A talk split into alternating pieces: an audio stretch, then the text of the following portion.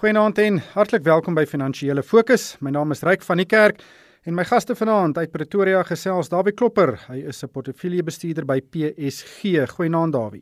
Goeienaand Ryk. En uit die Kaap gesels Christie Viljoen. Hy is 'n ekonoom by PwC. Goeienaand Christie. Goeienaand Ryk, goeienaand Dawie en luisteraars.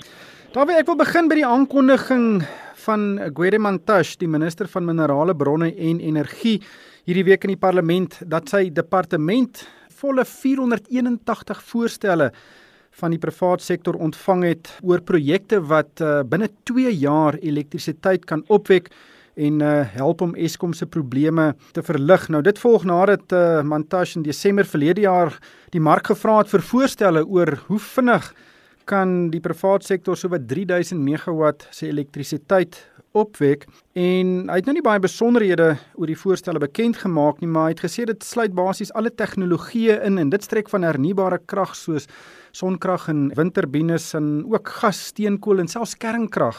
Ek dink hierdie belangstelling of die omvang daarvan dui daarop dat die private sektor kan reg staan om die regering se se leemtes aan te vul. Hoe sien jy dit? Ek is baie opgewonde daaroor. Ek dink groen krag of noem dit maar alternatiewe krag kan die verrassende groei drywer in ons ekonomie word. Jy weet ons soek heeltyd iets wat kan help om die ekonomie om te draai. Die investering wat hier ter sprake is kan help dat die ekonomie draai en op 'n manier daarin 'n bydrae lewer tot groei. So en dan terselfdertyd as dit dan ook help om die kragprobleme op te los, nog 'n bydrae wat dit lewer. So die groot ding is dan net vir die departement waarvan Gwedimantas die hoof is om dan nou hierdie lisensies en toestemmings te gee dat hulle aan die gang kan kom almal wat hulle bydra lewer. Ek dink dit gaan ook baie trek as net mense wat tot krag lewer aan die netwerk en daar gaan ook dan nou hierdie selfopwekking begin plaasvind. En dit kan nog verder dan hierdie momente begee dat alternatiewe kragvoorsiening 'n groei drywer van die ekonomie kan word. Christie mens kan dit deurtrek na moontlike oplossings vir elke enkele sukkelende staatsbeheerde instelling. Die private sektor kan help. Ek dink nie daar is dalk 'n gevoel dat die private sektor bietjie vraatsigtig kan wees en die regering rook om hierdie dienste te lewer. Wat 'n interessante dinamika is. Ja kyk, ek dink ons weet dat die private sektor se vaardighede nie net in elektrisiteitsopwekking, maar soos jy sê, ander staatsinstellings se aktiwiteite. Daar's baie vaardighede en in in baie gevalle is dit mense wat voorheen by die staatsinstellings gewerk het wat nou in die private sektor is. Hier's baie maatskappye wat dienste kan lewer wat tans deur die regering gelewer word, dienste wat dalk sukkelend gelewer word of nie finansiëel volhoubaar gelewer word nie. Nou as ons by Eskom sien dat ons al hoe meer en meer private sektor betrokkenheid het by die opwekking van krag, ook natuurlik 'n uh, selfopwekking waar 'n myn of 'n fabriek selfkrag opwek. Dit beklemtoon ek dink wat al lankal geargumenteer is, daar is 'n groot rol vir die private sektor om te speel. Nou of dit nou verder kan uitbrei na ander staatsinstellings, ek dink dis 'n geldige argument. Ons weet dat byvoorbeeld die staat se lugredery het heelwat kompetisie van privaat maatskappye. Die volgende stap is daar sou dalk begin praat oor van maar wat van ons kry privaat verskaffing van waterdienste. Dit is word tog baie baie sentraal beheer deur die regering en daar's ook uitdagings. Die regering het dit alself erken. So ek dink dit maak die deur oop na nie net 'n voordeel vir privaat sektor ondernemings om om moontlik betrokke te raak en geld te maak uit nie, maar in terme van totale dienslewering is dit iets waar die Suid-Afrikaanse verbruiker dalk kan vooruitsig hê van oor 'n paar jaar het ons meer privaat betrokkenheid en dit dis 'n uh, 'n beter produk wat aan hulle gelewer word. Daar ek wil nou nie politiek praat nie, maar dit sal 'n uh, wesenlike kopskuif binne die ANC verg om die private sektor baie meer te betrek. Dink jy die finansiële posisie waarin Suid-Afrika tans verkeer kan dalk daai kopskuif meebring? Dit kan wat net uh, tot gevolg hê dat dit wel gebeur, dat die ekonomie van die oomblik dit of as te ware veroorsaak dat dit gebeur van self gebeur, dat dit by fakto gebeur. Die hele kragvoorsiening ding is dalk 'n manier waarop die private sektor betrokke raak sonder om Eskom formeel te privatiseer deur die dienste, die dienste aspekte daarvan word uiteindelik maar geprivatiseer en dit gebeur van self. Eskom word al hoe meer minder belangrik in die ekonomie en so ook ander dienste wat dan gelewer kan word word al hoe minder belangrik in die ekonomie en dit gebeur as te ware van self dat die private sektor sy rol begin speel wat hy eintlik al lankal behoort te gespeel het. Dalk doen die ekonomiese werklikhede van Suid-Afrika die staat om tog te besef dat dit nodig is om die private sektor op hierdie manier te betrek. Christie Pravin Gordhan, die minister van openbare ondernemings was ook hierdie week in die parlement en hy het gesels oor die Suid-Afrikaanse lugdiens en 'n uh, paar interessante dinge het daar is daar gesê onder meer dat die departement is nog steeds in beheer van die groot besluite in die sake reddingsproses van die SAL en uh, dat die sake reddingspraktisyn nie eintlik bates kan verkoop sonder sy toestemming nie. Maar Pravin Gordhan het ook gesê die SAL is niks werd op die oomblik nie. Hulle sal dit nie eers kan weggee nie. Natuurlik dui dit net weer op hierdie gesprek wat ons nou het. Baie van hierdie staatsbeheerinstellings het ons werklik nie nodig nie. Die private sektor kan 'n baie baie beter funksie vervul. Ek gaan nou nie myself uitgee as 'n kenner van sake redding nie, maar sover ek dit verstaan, die groot besluite by SAA is oorgegee aan die sake redder. Nou ek verstaan die regering is nog steeds nouliks betrokke want hulle is die grootste aandeelhouer en behalwe vir natuurlik die finansiële faktore is daar natuurlik 'n sekere ideologiese faktor ook rondom hierdie staatsinstellings.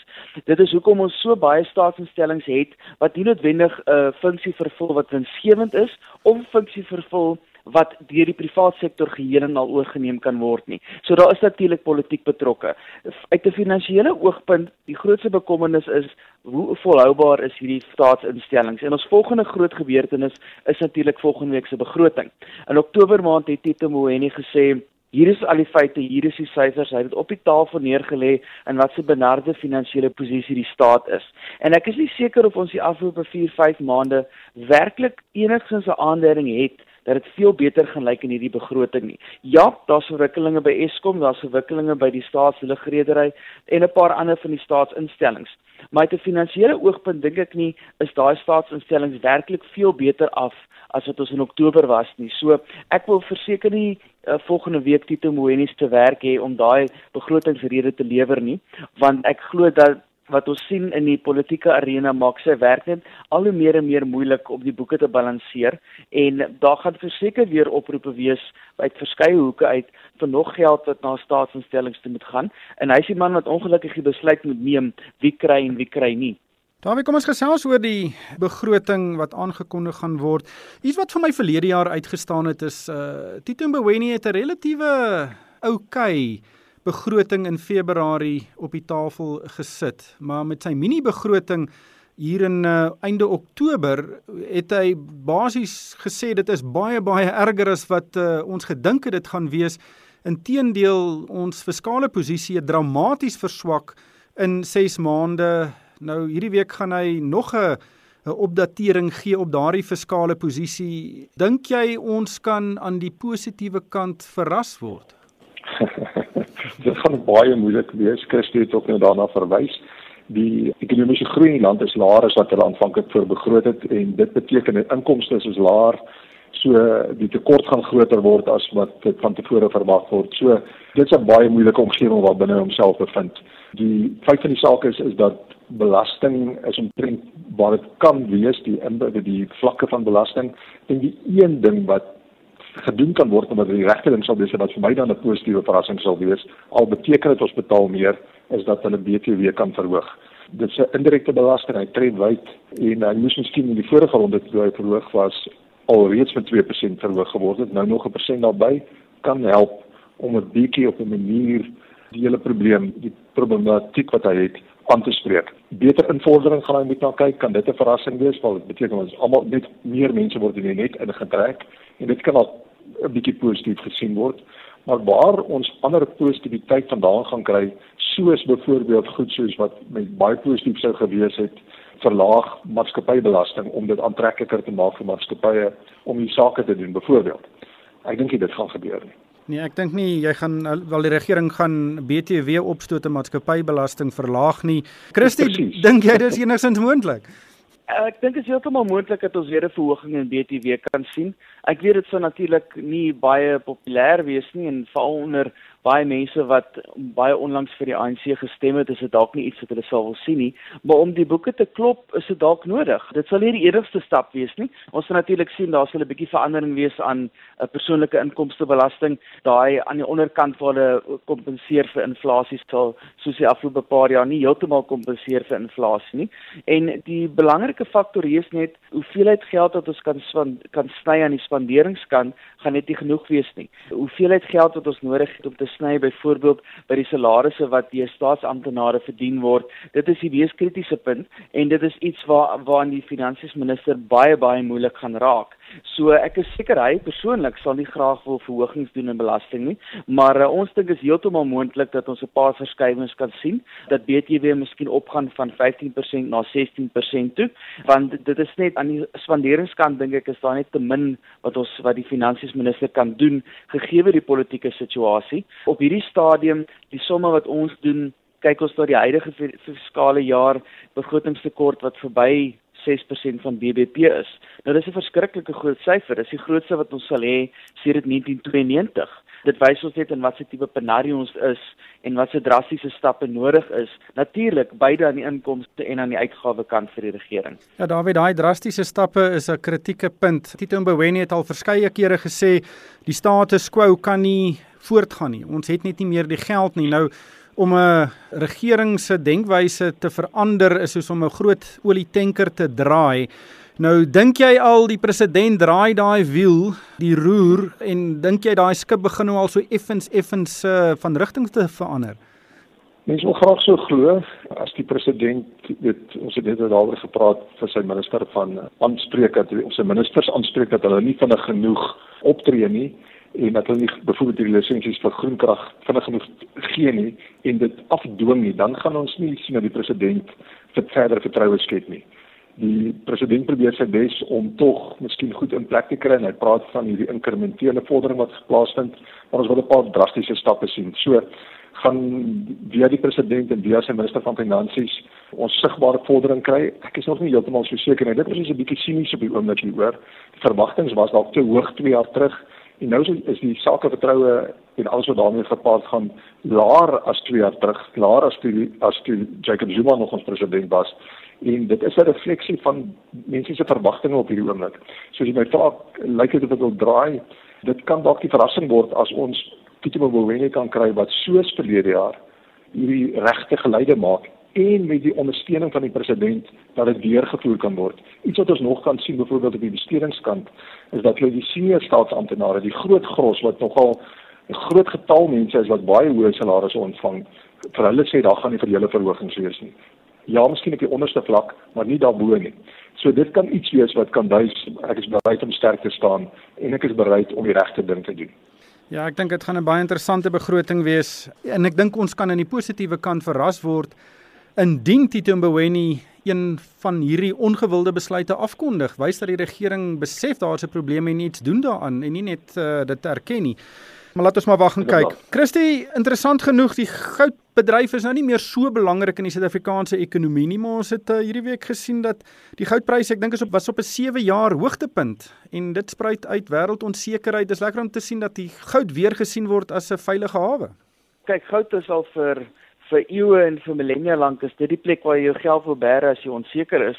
En ons sit nou in 'n globale situasie waar eh, dis dis baie maklik om te sê dis die mees onsekere tye wat ons al ooit gesien het maar daaroor is darm syfers agter sulke tipe stellings. Ons sit op hierdie stadium met ongelooflik baie onsekerhede en dit sluit natuurlik in die impak van uh, die Chinese situasie op die wêreldekonomie. Ons sien oliepryse het geval die goudpryse is op. So natuurlik is dit goeie nuus vir die goudmyne in Suid-Afrika Ons is natuurlik al lank nie meer afhanklik van goud om die ekonomie te dryf nie. Die mynbou in algemeen is is nie meer so 'n belangrike faktor nie. Dit sou wonderlik gewees het indien ons baie meer goud gehad het dan kon ons miskien hierdie nuwe fonds vir die president wil stig daarmee befonds het met so 'n bietjie ekstra goud dividende wat inkom. So die wêreldekonomie is is op hierdie stadium bietjie geknou met die situasie in China met die virus wat daarso vir soveel onsekerheid lei, soveel fabrieke wat toemaak, stede wat toegesluit word en dit gaan natuurlik 'n negatiewe impak hê op die Suid-Afrikaanse ekonomie. China is ons grootste handelsvernoot. So alhoewel ons 'n stukkie goeie nuus het en die goudpryse wat op is, die invloed wat dit gaan hê op Suid-Afrika se invoere en uitvoere, is sal ek sê sal aansien groter wees.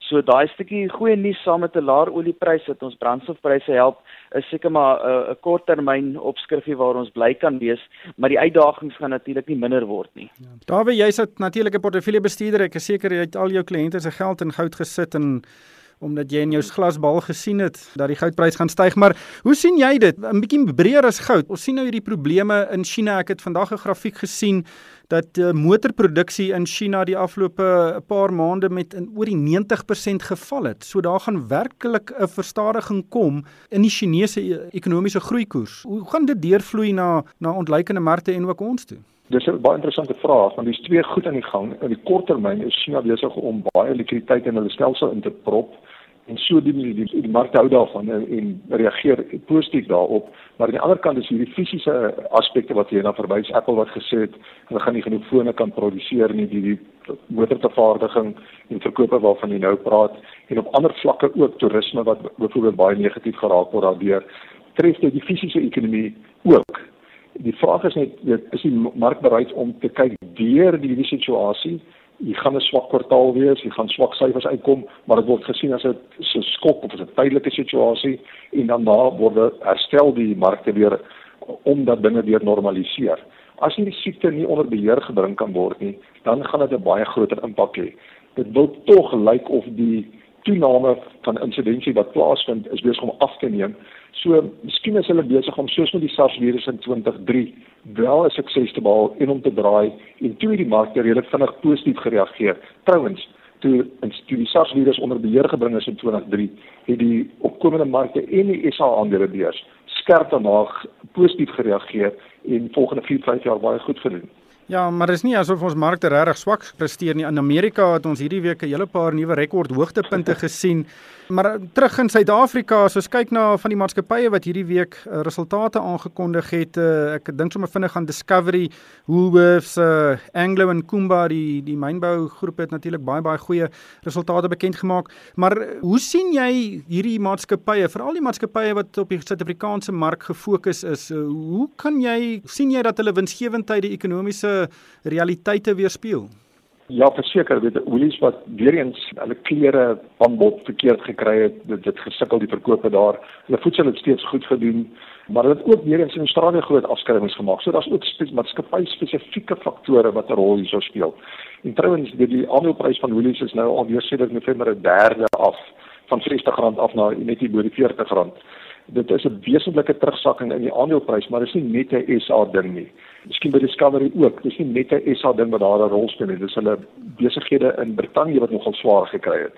Die plaaslike besighede het nie te sleg gedoen nie, maar die mark reageer natuurlik op maatskappyvlak op van hierdie resultate wat so uitkom. En Discovery se pryse is ook nou naby 'n 5 jaar laagtepunt op hierdie stadium. So Kumba en Anglo is natuurlik 'n funksie van die kommoditeitsomgewing en dit het redelik goed gegaan met die maatskappy en hulle pryse is redelik hoog. Kumba se aandelepryse nou nie negatief gereageer toe die nuus oor die koronavirus uitkom en die impak wat dit op China kan hê. En dan natuurlik net oor Amerika vinnig waar die ekonomie op die markte baie goed doen, aangedryf word deur baie lae rentekoerse. En as die rentekoersomgewing in die FSA verander, dan moet jy mens baie versigtig wees vir duur FSA aandele op hierdie oomblik. Ongelukkig moet ons daar haltroep. Baie dankie aan Dawie Klopper, hy's 'n portefeuljebestuurder by PSG in Pretoria en ook Christie Viljoen, hy's 'n ekonoom by PwC. En vir my ryk van die kerk, dankie vir die saamluister en ek hoop almal het 'n winsgewende week.